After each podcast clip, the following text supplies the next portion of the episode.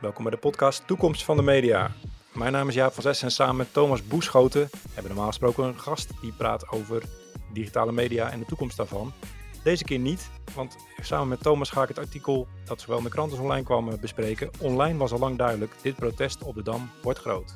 Welkom bij de podcast. Kijk, wat er gebeurd is in de afgelopen anderhalve dag. Want politie en, uh, en ik hebben hier echt nou, zo'n beetje van uur tot uur contact over gehad. De afgelopen anderhalve dag. Ja. En nadat de organisatie met deze inschatting kwam, is de politie al zijn openbare bronnen gaan uh, nazoeken. Facebook, Twitter. En wat verwacht men? Hmm. En er was geen enkele verwachting dat het tot deze proporties zou uitgroeien.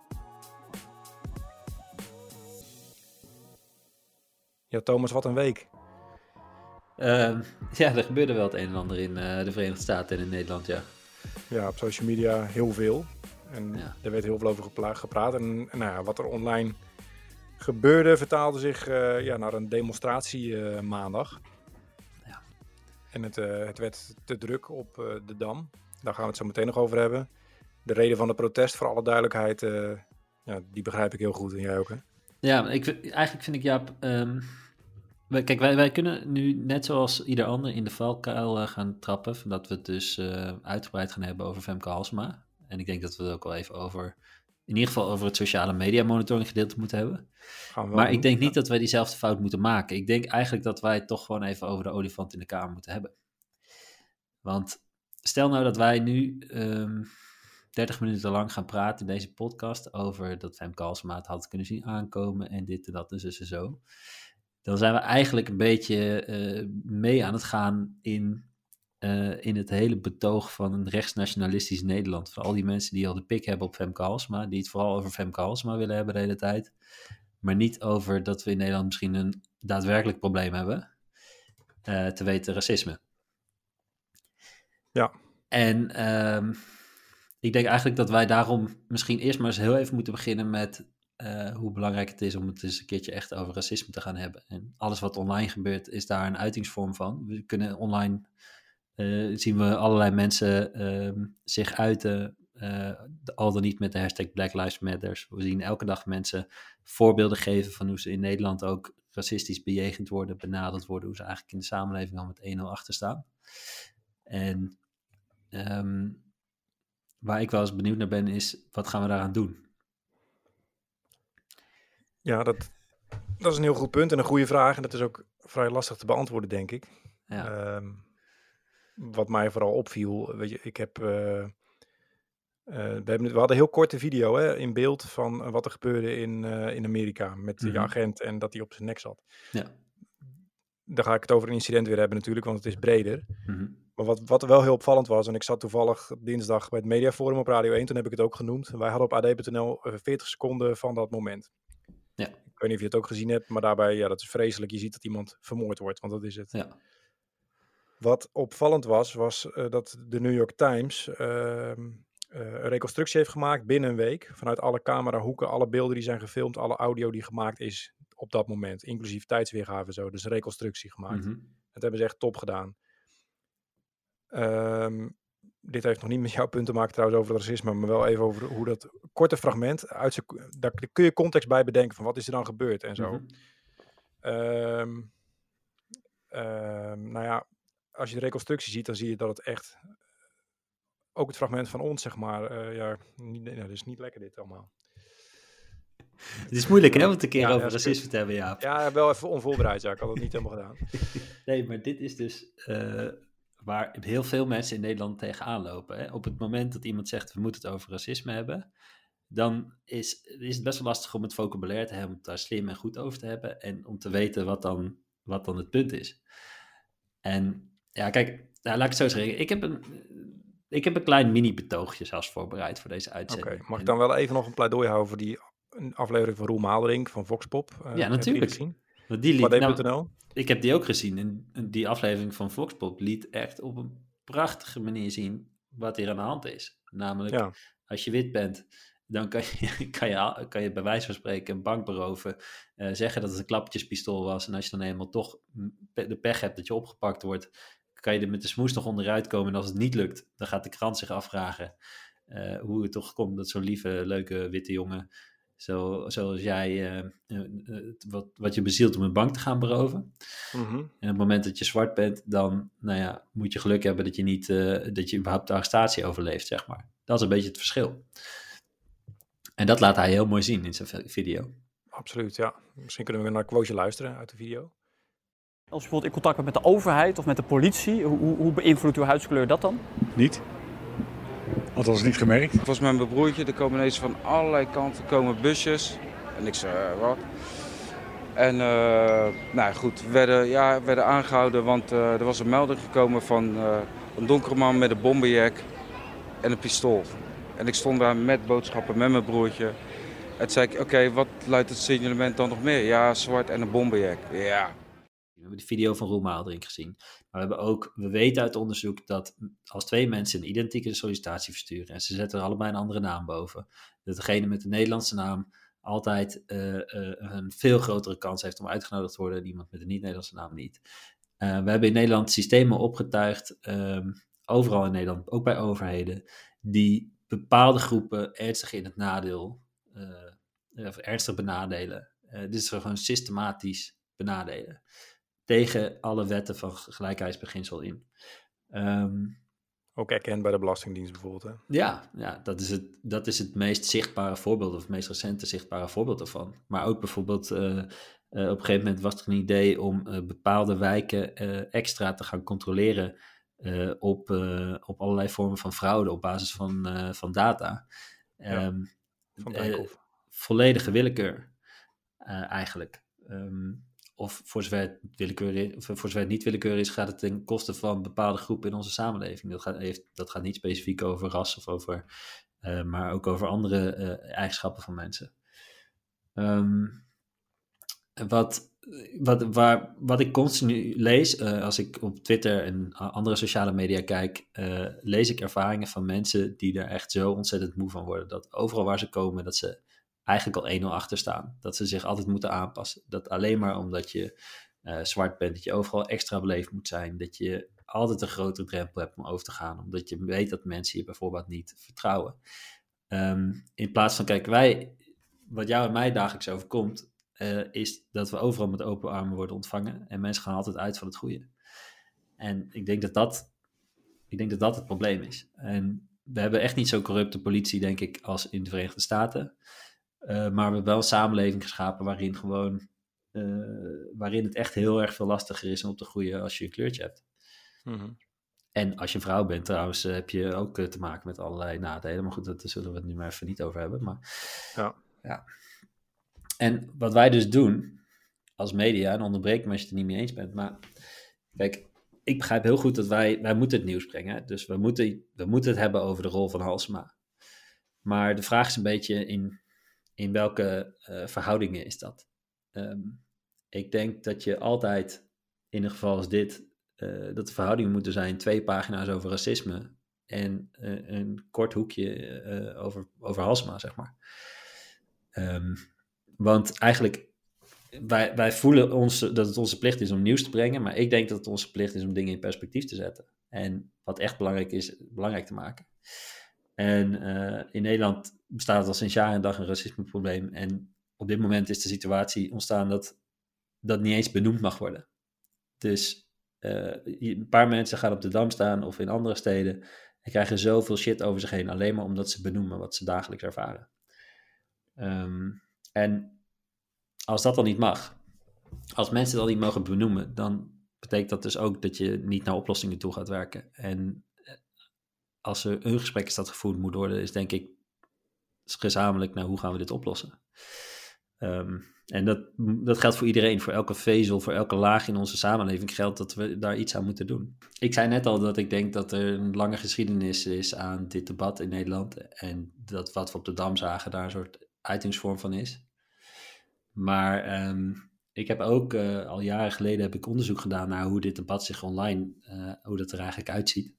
Ja. Toen hebben we heel specifiek gekeken naar um, uh, Zwarte Piet is racisme, die, die Facebookpagina en de petitie die destijds, dat was destijds de grootste Facebookpagina van Nederland. Ik weet niet of je het nog kan herinneren.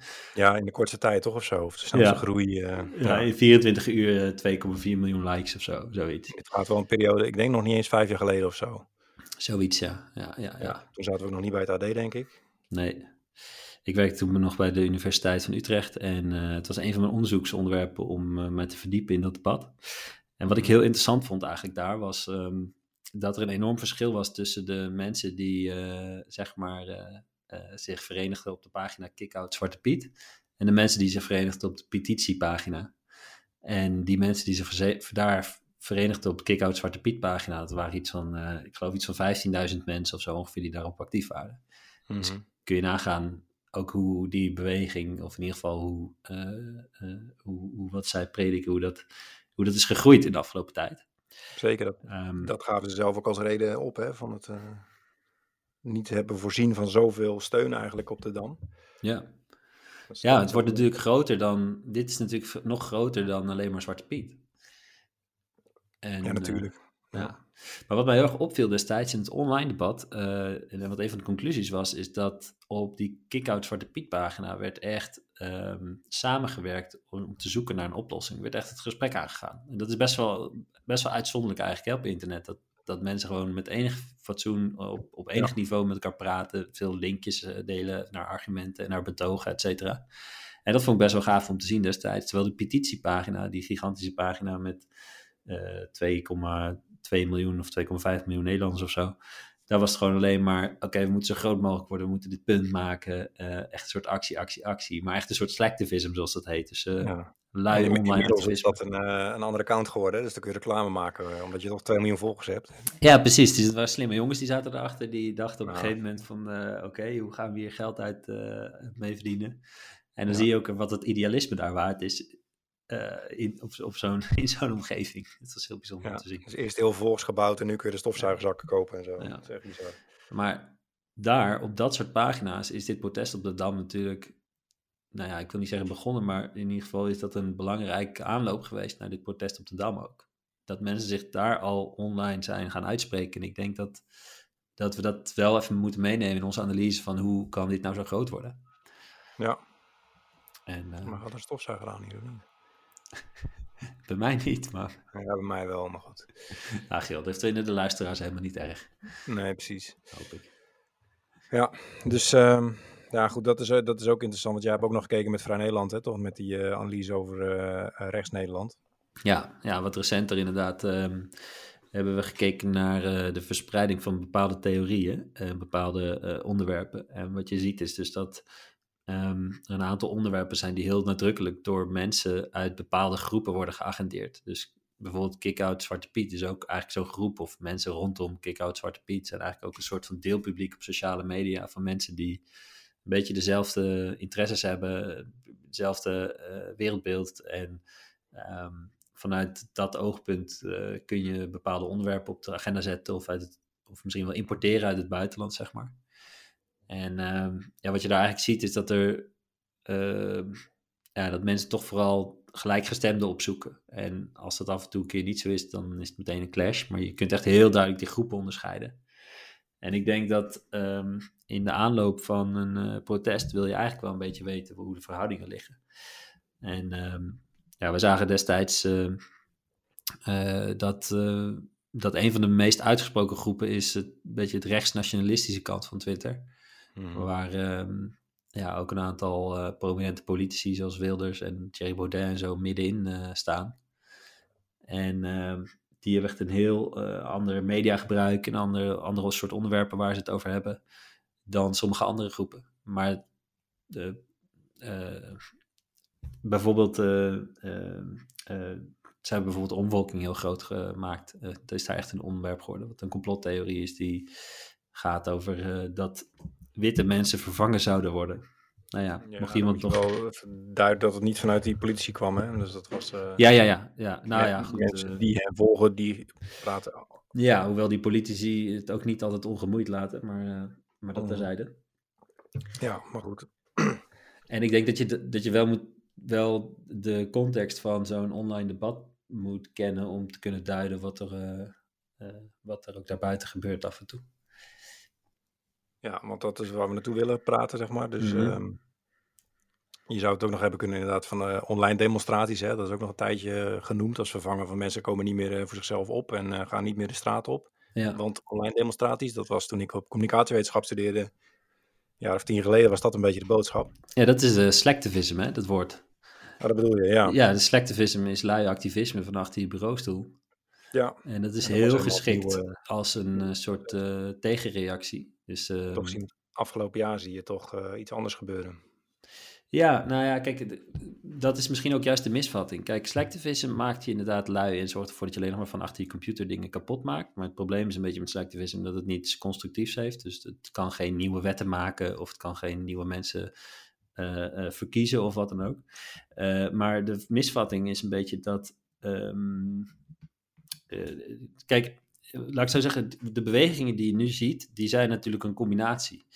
Uh, mensen die daar op de dam staan, die zijn niet alleen gekomen. Die zijn gekomen met een vriend of vriendin die dit ook vindt.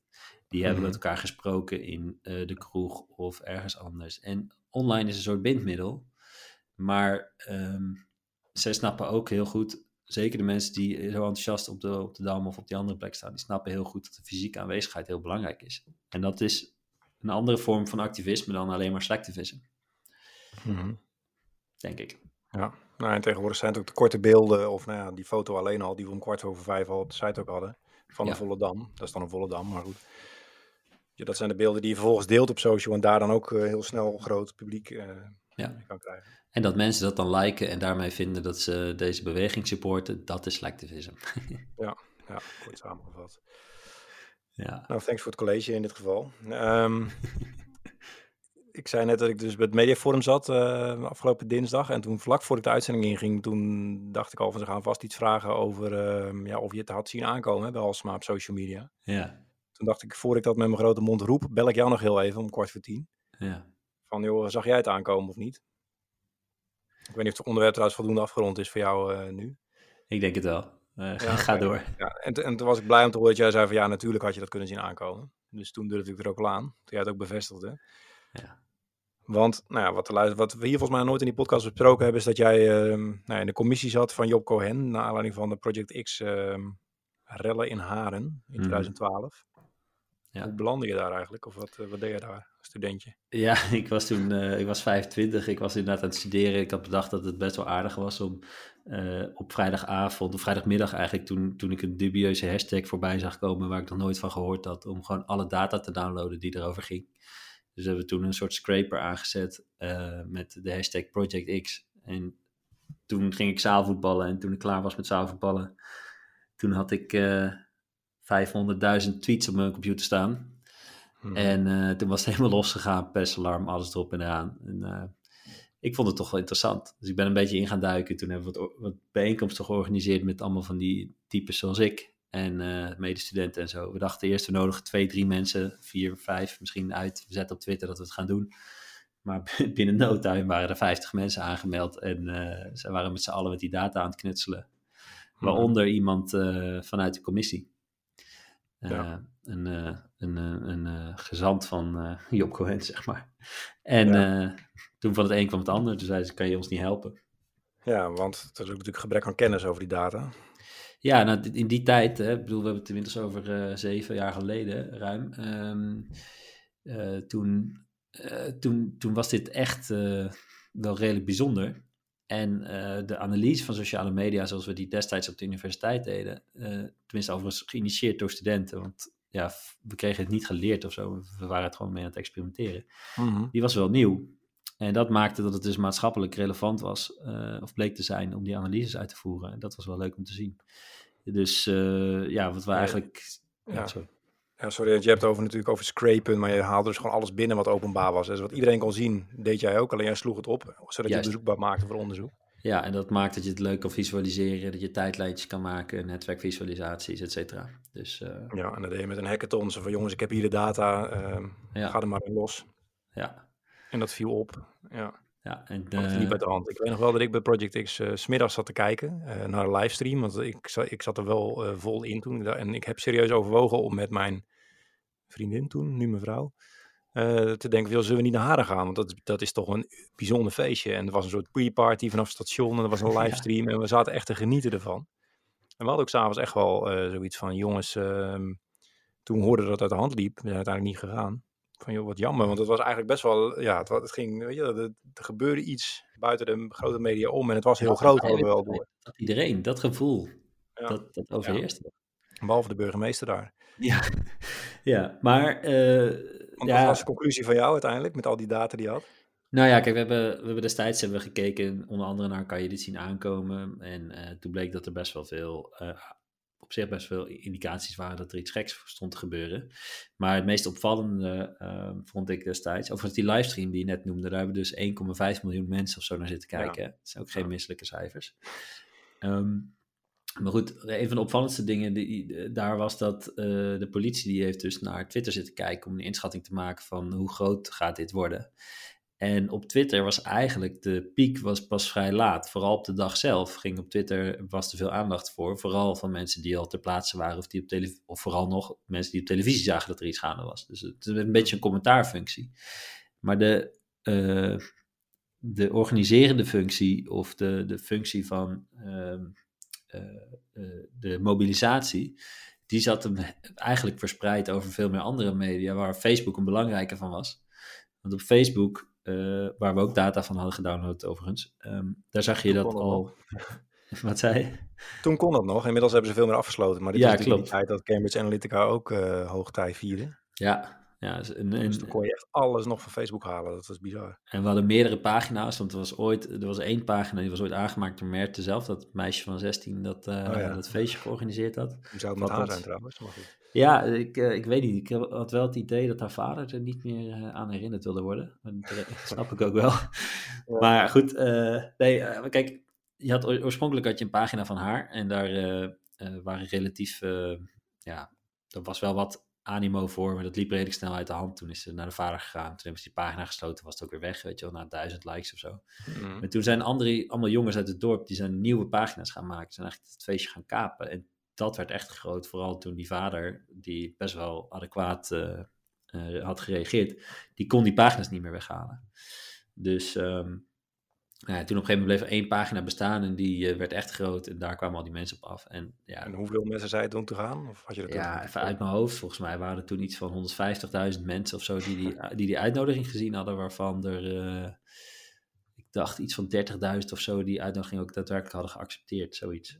Ja. Maar ja, goed, die absolute getallen zeggen ook niet alles, hè, want... Um, nee, dat is nu ook wat je uh, terugleest. Ja. Te zeggen we, er zeiden zondag dus, of maandagmiddag, zeiden 5000 mensen te gaan op Facebook. Maar uh, de, de, commentaren van de organisatie was ook van ja, maar dat, uh, die komen toch niet allemaal. Dat gebeurt heel vaak ja. op. Uh... Ja, dat is grappig. Er zijn vaak allerlei factoren die daar een rol in spelen. Bijvoorbeeld bij Project X destijds. Um, dat was dus op een vrijdag. En het was eigenlijk regen voorspeld. Dan moet je je voorstellen dat het echt flink geregend had. Mm -hmm. Nou, dan waren echt geen mensen naar haar gegaan. Hoor. Maar er was nog iets anders opmerkelijks dan die vrijdag. En dat was dus dat was de enige dag in de week waarin het voor alle studenten gratis was om met het OV te reizen. Oké. Dus als je een weekend OV hebt of een week OV, dan heb je altijd op vrijdag gratis reizen. Ja, ja, ja. Dus kun je nagaan, hè? Moet je je voorstellen dat het op donderdag was geweest. Ja, dat is een beetje een gekke dag. Maar stel dat het was op zaterdag geweest, dan had nog maar de helft van de studenten uh, gratis reizen gehad, in ieder geval met OV. Ja. Dus dan had het misschien al, uh, misschien was het dan wel twee, twee, derde geweest van wat het nu was of zo. Weet je maar, Vertel nog eens iets over hoe zo'n setting dan gaat. Want jij was vanuit student, je werd deed een hackathon, je werd gevraagd de commissie van Job Cohen. Ja. Hoe, uh, hoe moet ik me dat voorstellen? Of, uh, je moet het je voorstellen als dat er uh, vier hooggeleerde um, professoren een commissie vormden. En dat die van heel veel dingen verstand hebben, maar wel een beetje hulp konden gebruiken bij het begrijpen van data over digitale media. En dat was eigenlijk mijn rol. En, um, en het, het, hielp ook in de beeldvorming natuurlijk. Niet dat dat een, ik hoop niet dat dat al te zeer een argument was, maar het hielp ook dat uh, je naar buiten toe kon zeggen van, kijk, um, Job Cohen haalt de expertise naar zich toe die die, die, die zelf niet heeft. En ja, uh, door middel van iemand die wat jonger is en er wat meer middenin zit. Ja. En, en hoe, lang, hoe lang is het geduurd, dat onderzoek? Een half jaar bijna, geloof ja. ik uiteindelijk gepresenteerd en toen zat je bij Pauwen. Ja. ja. Ja, kunnen mensen nog terugkijken als ze het leuk vinden. Nou, was, uh, was overigens, ik weet niet of je het interessant vindt om te horen, maar ik heb dit nooit verteld, maar misschien wel leuk om aan jou te vertellen. Ik heb um, die nacht. van niemand. Nee, ja, precies. Die nacht van tevoren voor, voor die presentatie. Uh, dus die dag hadden we presentatie in de ochtend en uh, toen sliepen we in Groningen. En het was nou, redelijk laat geworden met de leden van de commissie. En uh, niet te laat, maar gewoon, weet ik veel, twaalf uur of zo. nog iets gedronken en ging we naar bed. Maar ik voelde een soort hoofdpijn opkomen zoals die nog nooit echt eerder had gehad. Hm. En um, dat begon maar te kloppen en te kloppen. Ik heb tot vier, vijf uur in de nacht zo wakker gelegen. En ik had echt een heftige migraineaanval. Ik kan nu duiden dat het migraine was en ik heb het later vaker gehad. Dus ik heb die nacht misschien twee uur geslapen of zo, als als, als, als het mee zit. En dan hm. staan dus de volgende ochtend, moet je best wel vroeg op, uh, nog dingen doorspreken en dan die presentaties. En dan staan dus al die camera's op je hoofd en zit je, moet je netjes zitten naast de andere commissieleden. Nou, echt, het viel me uiteindelijk nog wel mee, want je bent zoveel adrenaline dat compenseert. Maar goed, dan mhm. moet je dus uh, uh, Rutger Kastrikum te woord staan, wat ook best wel een avontuur was. En nou goed, allerlei, iedereen, want alle interviewaanvragen kwamen voor mij en Job, of nou heel veel in ieder geval. Natuurlijk omdat ik die jongen van 25 ben. En dan, ja, verder was er waarschijnlijk niet eens per se een inhoudelijke reden voor. Maar goed, en dan s'avonds Pauw, uh, Pauw en Witteman. Ik ben echt die middag, ik ben probeerde om redelijk snel thuis te zijn. Ik heb middag geloof ik nog even bij zitten, bij, bij zitten slapen, een uurtje. Even bij mijn ouders gegeten en toen opgehaald of weggebracht. Uh, ik ben weggebracht door een vriend, geloof ik. En uh, ja, dan op een gegeven moment ben je om half één, één uur ben je, ben je klaar. Dan moet je nog naar huis. En vanaf dat moment wilde wel iedereen, uh, neem ik aan, iets met die data gaan doen. Hè? Want er zijn wel lessen geleerd, hoop ik, in Haren.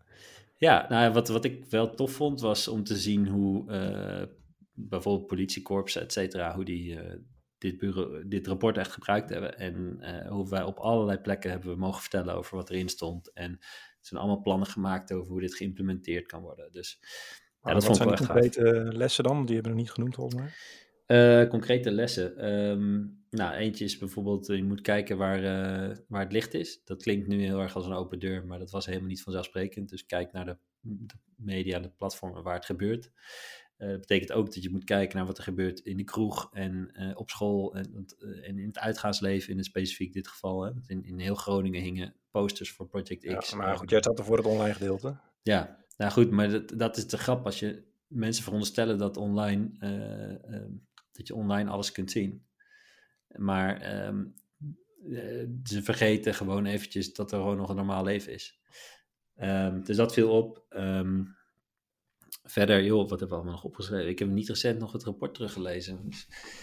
Lekker voorbereid. Maar ik heb wel wat dingen opgeschreven voor, uh, voor Dam, voor de Dam. Ja, waar ik denk dat we moeten denken. Zal ik daar eens Ja, want wat op zich, want onze, onze paden kruisten toen een keer, hè, en kort na die tijd denk ik, want ik werkte toen uh, als social media analyst bij het voormalige Buscapture, dat nu Obi for One heet, en dat data uh, verzamelde en doorzoekbaar maakte. Voor, Vertel eens even wat, wat dat is dan, wat doet dat dan? Het is een social media monitoring tool. En een monitoring tool doet, ja, die sla, dat is eigenlijk iets gewoon een IT-bedrijf of een softwareprogramma, waar bedrijven licentie op kunnen afnemen. En wat doorzoekbaar maakt wat jij net beschrijft, dus alle openbare bronnen die er zijn, die slaan ze op zodat je het snel kan doorzoeken. En dat is anders dan Google, omdat je bijvoorbeeld um, uh, ja, ook social media doorzoekt. En dat, uh, nou, Google begint nu een beetje, maar die andere die jaren geleden deden Google dat niet. Dus dan kon je ook zien, oké, okay, wat gebeurt er op Twitter, wat gebeurt er op Facebook? Dat waren toen de grootste platformen. En bedrijven, maar ook gemeentes, die maken hier allemaal gebruik van die banden abonnementen op zo'n soort tool. Om ja, en uiteindelijk is dat ja. natuurlijk, eh, dan kreeg je licentie. En dan zei ze ook, van, ja, als je alleen de licentie hebt, dan, dan kunnen ze even zeggen, we hebben het afgevinkt. Alleen vervolgens doe je er niks mee, dus een jaar later ga je weer uh, die licentie stoppen. Hmm. Dus toen, uh, nou ja, de eigenaar van het bedrijf zei dan ook veel, we moeten analisten hebben die ook gewoon het nut ervan aantonen, want dat is er wel degelijk. Uh, ja. dus, die, dus, dus, ik werd toen, ik begon daar na mijn studie communicatiewetenschap en toen ben ik uh, heel veel gaan bloggen en PR gaan doen ook voor dat bedrijf. Maar even concreet, wat, het, wat het betekent, Jaap, is dat er is ergens stront aan de knikker en jullie weten het als eerste, kunnen er snel op reageren. Nou ja, goed, je weet dus alles en dan kun je bepaalde dingen op loslaten. En dan kun je ja. dus zeggen van, um, nou ja, normaal gesproken wordt er tien keer over uh, een bedrijf gepraat. En als het dus uh, meer dan twintig keer is in een uur, dan is er iets aan de hand. En dan wil je een seintje krijgen. Oftewel, mm. dat was ook een beetje de, het idee waarmee het altijd verkocht. Van je hoeft het niet in de gaten te houden, maar als er iets gebeurt, dan ben je als eerste op de hoogte. Dat heet dan alerts. Uh, en nou ja, op een gegeven moment begonnen de grote bedrijven daarmee. Maar uiteindelijk de hele top 500 van Nederland doet het. Gemeente, dat soort dingen zijn het allemaal gaan doen. Dus je kon het zo instellen dat, nou ja, je wil niet alles weten, maar als het volume heel snel piekt, dan krijg je een berichtje op openbare bronnen. Oké, maar, laten we even aannemen dat er dus een gemeente is die dit aan heeft staan en die ook wel eens bijhoudt. Die zijn er allemaal in Amsterdam. Een groot plein. En Amsterdam voorop. ja. Die zijn er allemaal en die weten gewoon, nou, we moeten dat in de gaten houden. Nou, zal over Amsterdam wel meer gezegd worden, maar die weten ook heel goed, er komt een demonstratie aan, dus je voert het woord demonstratie uh, in in combinatie met Black Lives Matter en dat weer in combinatie met Amsterdam, weet je net als je Google eigenlijk gooit. Hmm. En dan kun je heel snel zien hoe daarover gesproken wordt en ook wat voor berichten het zijn. En er staat ook bij hoeveel uh, potentiële lezers een bericht heeft. Dus dan weet je, nou, als het op ad.nl staat, dan lezen gemiddeld 50.000 mensen een artikel. En dan echt gemiddelde, want het kunnen ook tien zijn, maar ook een miljoen. Mm en dat, dat soort rekensommen laten er ook op los. Van, nou, als we dit bericht hebben, en AT5 had hier een bericht over gemaakt op zondagavond, dat die demonstratie kwam. Parool had een demonstratie uh, aangekondigd en AD had het ook groot staan. Nou, je kon gewoon op openbare bronnen zien dat die bij elkaar al 5000 interacties hadden op Facebook. Ja. Nou, dan ga je het afzetten tegen een normaal bericht of een normale demonstratie. En dan weet je dat het heel veel is. Ja, wat jij nu eigenlijk omschrijft, is een van de punten die ik had opgeschreven. Dat is eigenlijk maak een benchmark. Dus wat je doet, is je wil weten wat is normaal. En wat is de afwijking? En als je dan uh, een afwijking ziet, dan uh, kan je daarop handelen, zeg maar. Precies. En het is ook een scenario, uh, gewoon een, ja, en de krant kwam bijvoorbeeld ook niet uit. Het was tweede Pinksterdag, dus er was geen krant op maandag, geen kranten. Maar op online was zondagavond hadden de grote Amsterdamse sites en het AD, en ik vergeet geen andere landelijke media, er een bericht over gemaakt. We plaatsen dat op Facebook. Nou, het had bij ons 160.000 mensen bereikt, konden we dan zien. Maar aan de interacties kon je al zien, dit speelt wel. En heel veel mensen reageerden toen al met, ook ben benieuwd hoe ze dat gaan doen met anderhalve meter afstand. Mm -hmm. uh, nou kun je, kun je zeggen, ja, dat zijn zure mensen, die komen toch niet. Maar goed, je zag al wel um, ook wel mensen gaan die uh, ja, die interactie aangaan ermee. Dat zijn ook mensen die, het, um, ja, die er wel naartoe gaan en die het juist willen delen. Uh, want Facebook is wat dat betreft nog groot genoeg. Mm -hmm. Dat zag je ook op Instagram gebeuren. Uh, en dan weet je gewoon, uh, als het bij de tien best gelezen uh, Facebook berichten van die dag zit, dan moet je het wel serieus rekening mee houden dat er meer mensen komen. Dus zodra ook GroenLinks op maandagmiddag een tweet stuurt met nou kom allemaal naar de Dam, dat krijgt weer meer dan 100 retweets. Ja, dan zit je ruim boven die benchmark. En ja, dan moet je ook... door de 100 is echt veel. Dat is echt 100 veel. retweets, ja, ja, dat is heel veel. Klopt, maar bij GroenLinks, daar hebben we eerder een podcast mee opgenomen ook, aflevering 2. Ja, dat zijn handige jongens die zijn handig en die mobiliseren elkaar wel. Maar goed, die hebben dat. Die hebben dat. En nou, zet er een paar influencers bij, zoals uh, en, uh, en nog een paar die dat aankondigen. Ja, dan heb je gewoon een groot bereik. En dat, uh, ja. dat moet je niet onderschatten. En volgens mij is dat ook gewoon de grootste les van Haren geweest. In het ergste geval staat er wel een grote politiemacht en komt er niemand. Maar dan heb je erop voorbereid. En dat is wat lastiger met online. Ja. En in het slechtste geval, uh, of tenminste, ja, of je hebt je goed voorbereid en dan maak je goede afspraak mee. Van, nou, we zien dat het heel groot is. Jullie denken dat er 300 mensen komen, maar wij denken dat er veel meer gaan komen. En het gaat, gaat ons dus niet, dat lieten we net al zien, om waarover gedemonstreerd werd, maar omdat het nu coronatijd is. Maar ja, op het moment dat jij zegt dat die uh, ME maar even klaar moet staan, dan ga je dus echt de pet van de burgemeester opzetten. Maar uh, volgens mij is dat niet iets waar wij over kunnen oordelen, maar we kunnen wel oordelen over dat um, je in ieder geval rekening moet houden met scenario's waarin... Ja, ja, ja dus, dus vandaar ook die quote van Halsema, waarin ze zegt: Nou, we hebben van uur tot uur alles in de gaten gegeven. En er was geen enkel signaal dat er online meer aan de hand was dan dit. Kijk, wat er gebeurd is in de afgelopen anderhalve dag. Want politie en, uh, en ik hebben hier echt nou, zo'n beetje van uur tot uur contact over gehad. De afgelopen anderhalve dag. Ja. En nadat de organisatie met deze inschatting kwam, is de politie al zijn openbare bronnen gaan uh, nazoeken. Facebook, Twitter. En wat verwacht men? Hmm. En er was geen enkele verwachting dat het tot deze proporties zou uitgroeien. Um, ja, dat, dat klopt gewoon niet. Dat weten we. Dat weet ik uit mijn werk. Dat weet jij uit die eerdere onderzoek. Ja. Ja, we hebben het zelf gezien. We hebben het zelf gezien. Je hebt net alle getallen genoemd. Ik bedoel. Daarom, daarom. En het was ook nog eens, het ging niet over de demonstratie, maar Black Lives Matter was uh, heel groot uh, online. Jij hebt dat ook nog uitgezocht hè, voor het Ja. artikel, dat we in dinsdag in de krant. En misschien kun je daar iets over vertellen terwijl ik mijn batterijoplader erin doe. ja, doe jij dat eens even. Nou ja, waar we naar gekeken hebben is eh, überhaupt eh, de mate waarin er over deze onderwerpen gesproken wordt. En je ziet dus dat ehm, dit geldt niet voor elk onderwerp, maar bepaalde onderwerpen kunnen echt overwaaien vanuit een ander land. En de hele eh, Black Lives Matter beweging is echt in Nederland, of in ieder geval de aandacht daarvoor, is echt enorm gegroeid en helemaal meebewogen tot aan die avond van de, van de protesten. Ehm, eh, dus je ziet eh, eerst het begint met een klein bericht, of een relatief klein bericht over een, eh, man die vermoord is in de Verenigde Staten. En langzaamaan eh, komen de protesten. En dat dat gaat de grens over. En je ziet dat de media erover gaan schrijven en dat op sociale media echt, uh, ook echt aardig aan het ontploffen is. Ik vond trouwens dat wij met AD echt nog rijkelijk laat waren met de berichtgeving en de liveblogs en, de, en het belangrijk maken van, uh, van deze zaken. Maar goed, dat terzijde. Ja, dat, nou, dat zou ik niet zo uit mijn hoofd weten. Maar nou, wat ik wel zei, die, die, video was dus 40 seconden. Hè, en dat het bleek dus later, weet je, dat, dat, goed, dat is een stukje context ook wat je eigenlijk Kijk, 40 seconden is al te veel om te kijken, want ik kijk ook niet naar kopschop dingen en zo. Dus weet je, dat was ik heel veel. Maar goed, uiteindelijk als je dus de hele, uh, um, de hele fragment pakte van die acht minuten wat New York Times had gedaan, dan denk je echt van wat gebeurt hier, weet je wel. Als je alleen iemand op, op, een ander ziet, dat wil ik nog wel benadrukken, dat reconstructie ook echt aantoont van dit is niet voor niks dat mensen de dam op gaan. Maar het barst van dit soort filmpjes en anekdotes en voorbeelden en zo. En wat ik nog, wat ik misschien nog ook wel eng of gevaarlijk vind, is dat uh, soms er juist weer zo wordt ingezoomd op zo'n voorbeeld als dit.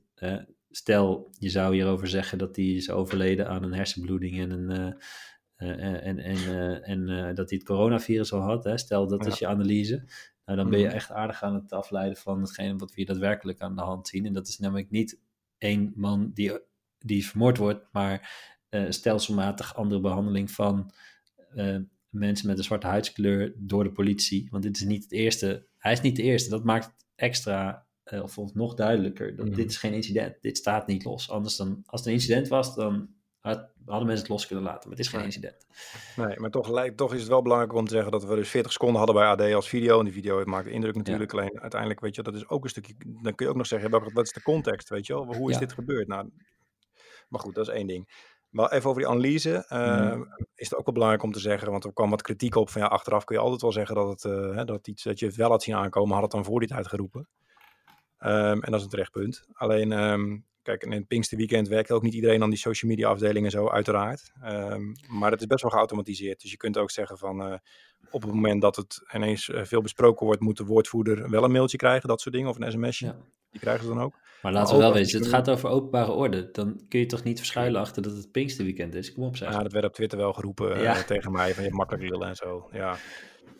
Goed, en die, die kennen ook, dat, die, kijk, dit is de knipselkrant van vroeger. Hè. Toen vroeger werden de, de kranten gelezen en dan, hè, dan had je diensten en die knipten dan mhm. dingen uit de krant als je genoemd werd. En dan kreeg je dat. Nou, het is eigenlijk hetzelfde, alleen dan voor online en ook op social media, op openbare bronnen. Um, en betekent ook, want dat soort dingen kun je ook instellen, van nou, als je maakt een lijst met journalisten, dus dan heb je een lijst met 6000 twitterende journalisten, en het maakt me niet uit hoe vaak, maar als een journalist die op die lijst staat het woord X gebruikt, dan wil ik een mailtje krijgen. En dat soort dingen, nou dat was zes jaar geleden, inmiddels zal het vast nog beter zijn. Ja, uh, ja daar kun je natuurlijk gigantisch, uh, ja, dat, dat, dat, is je knipselkrant. Die is alleen veel geavanceerder en uh, daar heb je dus ook niemand van nodig die op maandagochtend dat voor jou doorspit, want het is geautomatiseerd. En dat stoorde me een beetje aan de berichtgeving. En ook aan wat Femke Halsma dus zegt van... Um, ja, we hebben van uur tot uur gekeken, we hebben niks gezien. Nou, dan, dat, dat klopt gewoon niet, want je hebt het wel kunnen zien. Mm. En dat, dat, als je dat live op tv zegt uh, in een belangrijk programma, ja, dan ik weet zeker dat de politie, uh, of de mensen bij die de politie werken, die eigenlijk verantwoordelijk zijn ook voor die monitoring. Nou, dan heb je afstandsbediening naar de tv gegooid, weet je wel. Van, uh, ik heb het wel gezien, dit is gewoon gelul. Ja. Dat moet gewoon, want toevallig weet ik ook gewoon dat de politie dit wel goed op orde heeft. Zelfs in het weekend of zo. Ja, ze moeten het in ieder geval kunnen tegenwoordig, dat weet ik zeker. Ze kunnen het sowieso. Um, dus, en de mensen die hier verantwoordelijk voor zijn, die omgevingsanalyses heet dat, weet je, die worden eh, door gemeente gemaakt, door de politie, dat soort dingen. En die zijn echt heel erg dik op orde. En dat is ook heel erg wat belangrijk is, want je kan niet meer, je kan je geen haren meer permitteren, zo'n Project X. En je kan niet meer alleen traditionele media gaan. Uh, dus dat, ja. uh, en het, het, haalt zelden de media eigenlijk, die knips. Ja, weet je, ja, je zegt van je kunt je geen haren meer uh, permitteren, maar ik ben ervan overtuigd, dat was ook een van de conclusies destijds van de commissie, dat je kunt niet alles controleren, je kunt niet voorkomen dat dit nog een keer gebeurt. Want een nieuw evenement heeft altijd een nieuwe andere vorm. Maar in dit specifieke geval, um, dit is eh, kijk, je kunt nu niet zeggen dat je, dat je verrast was door uh, dat er animo voor is en dat mensen zich organiseren. Kijk, als het nou uh, volledig uh, georganiseerd was via TikTok en mensen alleen maar op TikTok erover gesproken hadden en de politie nog nooit van TikTok had gehoord en weet ik wat, weet je wel, dan zou je nog kunnen zeggen, oh dit is iets nieuws, dit gebeurt ons nu voor het eerst, um, mm -hmm. goh, hier leren we van.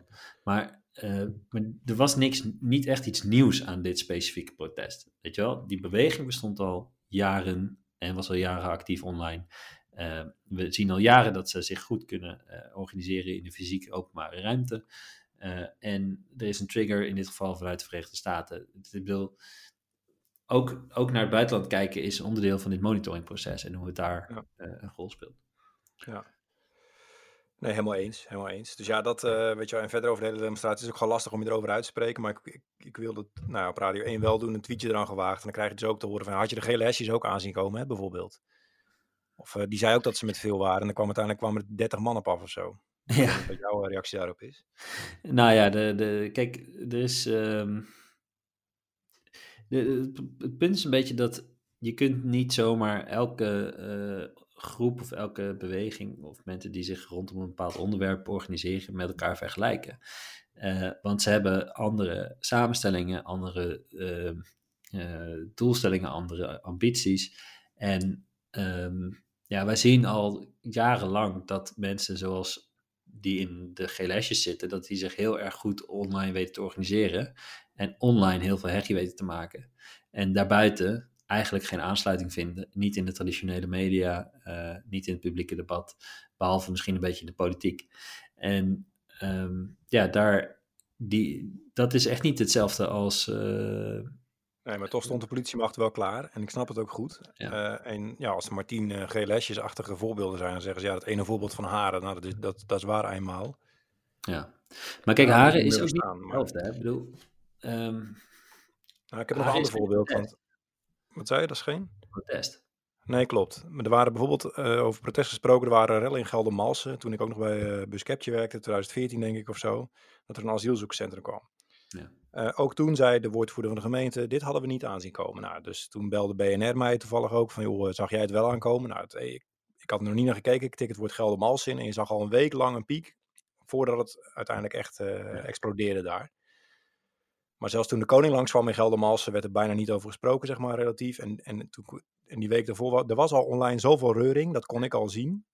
Dat je al weet van, ja, uh, ik zeg niet dat er rellen gaan komen, maar je weet wel dat er heel veel aan de hand is. Nou, dat kun je met die, nou, ik noem het maar even knipselkrant, uh, heel snel wel vinden.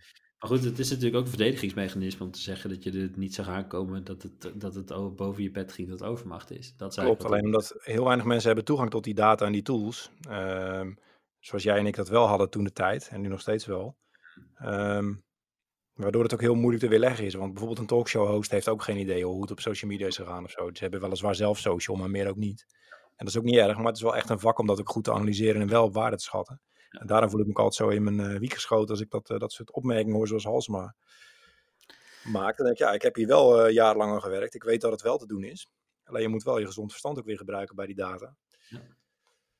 Nou ja, nou ja dat punt wil ik uh, maken een keer. Waar je het nu ook over hebt, is, uh, gaat ook over prioriteiten. Hè? Ik bedoel, um, ik kan me ook voorstellen dat je als burgemeester dat je meer te doen hebt dan uh, naar sociale media kijken. Tuurlijk, maar... dat is ook helemaal geen probleem. En dat, dat zo kan zeggen, joh, um, we hebben het niet goed ingeschat, ook prima. Ja. Ik vond het interview gewoon schrijnend, omdat ze het juist wel benoemden. Als ze gezegd had, ja. joh, we houden het normaal altijd in de gaten. Ik heb geen idee hoe dat eigenlijk is ontwikkeld de afgelopen anderhalve dag. Mm -hmm. Alle begrip. En dit is ook iets wat, ja... Maar juist om het wel te benoemen, dat Kijk, maakt gewoon stom we zijn nu toch, toch heel erg over Helsma aan het praten en zo. Maar er zit uh, natuurlijk ook een onderdeel in wat zij gedaan heeft, wat echt ongelooflijk moedig is. Uh, zij is dus iemand waarvan je weet dat de vergrootglas op haar ligt. Waarom? Omdat ze toevallig een keer uh, tegen het verkeerde boompje heeft aangepist en nu de telegraaf achter zich aan heeft. En um, alles wat zij doet wordt in, in ieder geval in rechtsnationalistische kringen altijd weer echt uitgemeten. Ook de kleinste dingetjes, of ze een button draagt of weet ik veel wat allemaal. En de beslissing om de uh, protesten door te laten gaan, kan je als zwak beschouwen of om niet in te grijpen, zeg maar. Maar het vraagt ook wel even ballen om dat te doen, hè? Om al die mensen op dat plein te laten staan en dat oh, die verantwoordelijk aan te gaan. Ja. Ik bedoel, eh, je, ik vind het, ik vind eigenlijk dat, wil een burgemeester maakt een beslissing, en een keer lang of kort over praten, maar... Oh ja, precies. En daar wil ik het ook eigenlijk helemaal niet over hebben. Het ging me gewoon over die opmerking eruit. En ik vind dat die social media analyse veel ja, te onderbelicht is. Want heel veel mensen hebben geen idee dat daarom ook Twitter bijvoorbeeld nog best wel groot is. Ja. Of in ieder geval binnen de journalistiek. Maar ook waarom het heel belangrijk is als je student bent en je wil aandacht, dat je op Twitter komt. Um, Ja, Twitter maakt eigenlijk het heel makkelijk om iets wat klein is heel groot te laten lijken. En bij de juiste mensen uh, op de radar te komen. Uh, dus je kunt al heel snel een Twitter-beroemdheid zijn, terwijl je eigenlijk uh, op geen enkele manier beroemd bent.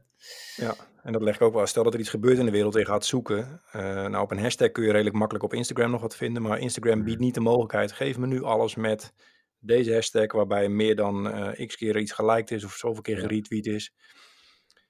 Qua openbaarheid is Twitter echt een verademing. Facebook is vreselijk afgesloten en Instagram eigenlijk ook. Weet je, ja, ik ga even een beetje van de hak op de tak hoor, maar nog even terug te komen bij waar we het begin over hebben. Waar ik me nog het meest aan stoor eigenlijk, is de reacties, ook op sociale media, maar ook uh, van uh, politici en allerlei anderen, is um, de reactie van nu even niet. Moet je voorstellen dat je op de Dam stond, of ergens anders in Nederland de laatste dagen, in Rotterdam of uh, binnenkort in Eindhoven, of waar het allemaal maar gebeurt, of in Den mhm. Haag. En mensen zeggen de hele tijd, ja, je moet niet nu protesteren, want anderhalve meter.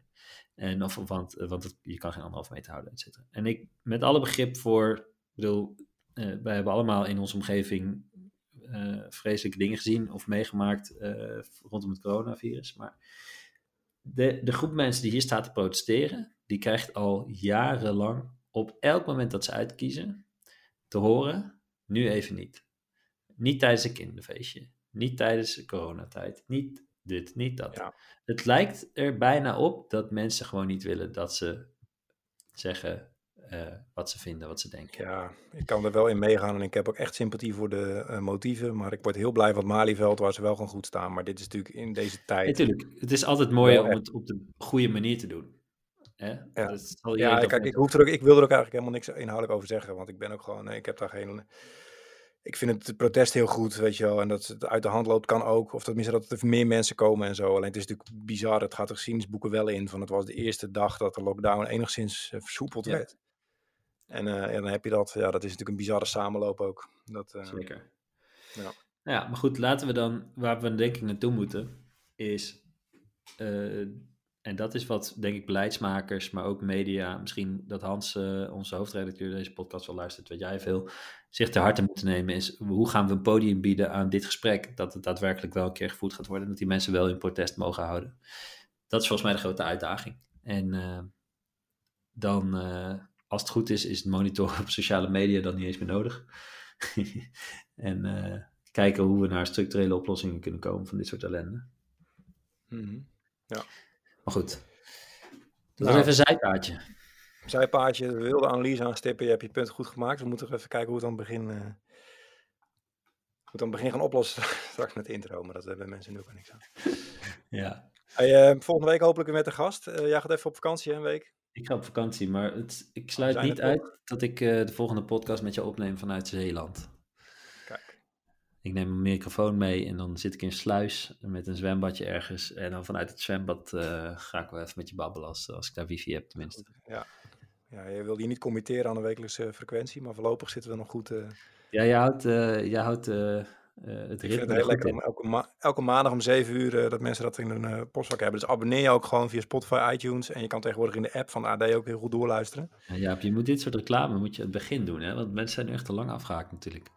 Ja, maar ik ga niet aan het begin zeggen abonneer nu of zo. Dat, uh... nou ja, oké. Vooruit. Ja, hey, uh, maar um, ja, we zitten ook op social. Uh, geef ons ook alsjeblieft feedback, want anders lullen we maar wat en we hebben ook geen idee. Dus laat het weten via de toekomst VD Media. En als je ideeën hebt voor het programma, vragen, dat soort dingen, laat het alsjeblieft weten aan ons. Volgende week weer met de gast. Fijne vakantie Thomas en tot, tot later. Dankjewel. Yo. We worden dagelijks overladen met overbodige informatie. En het is moeilijk de zin van de onzin te scheiden. Daarom vertrouw ik op echte journalisten in plaats van meningen. Een krantenmens heeft het gemakkelijk. Word ook een krantenmens en lees je favoriete krant nu tot al zes weken gratis. Ga snel naar krant.nl. Bezorging stopt automatisch en op deze actie zijn actievoorwaarden van toepassing.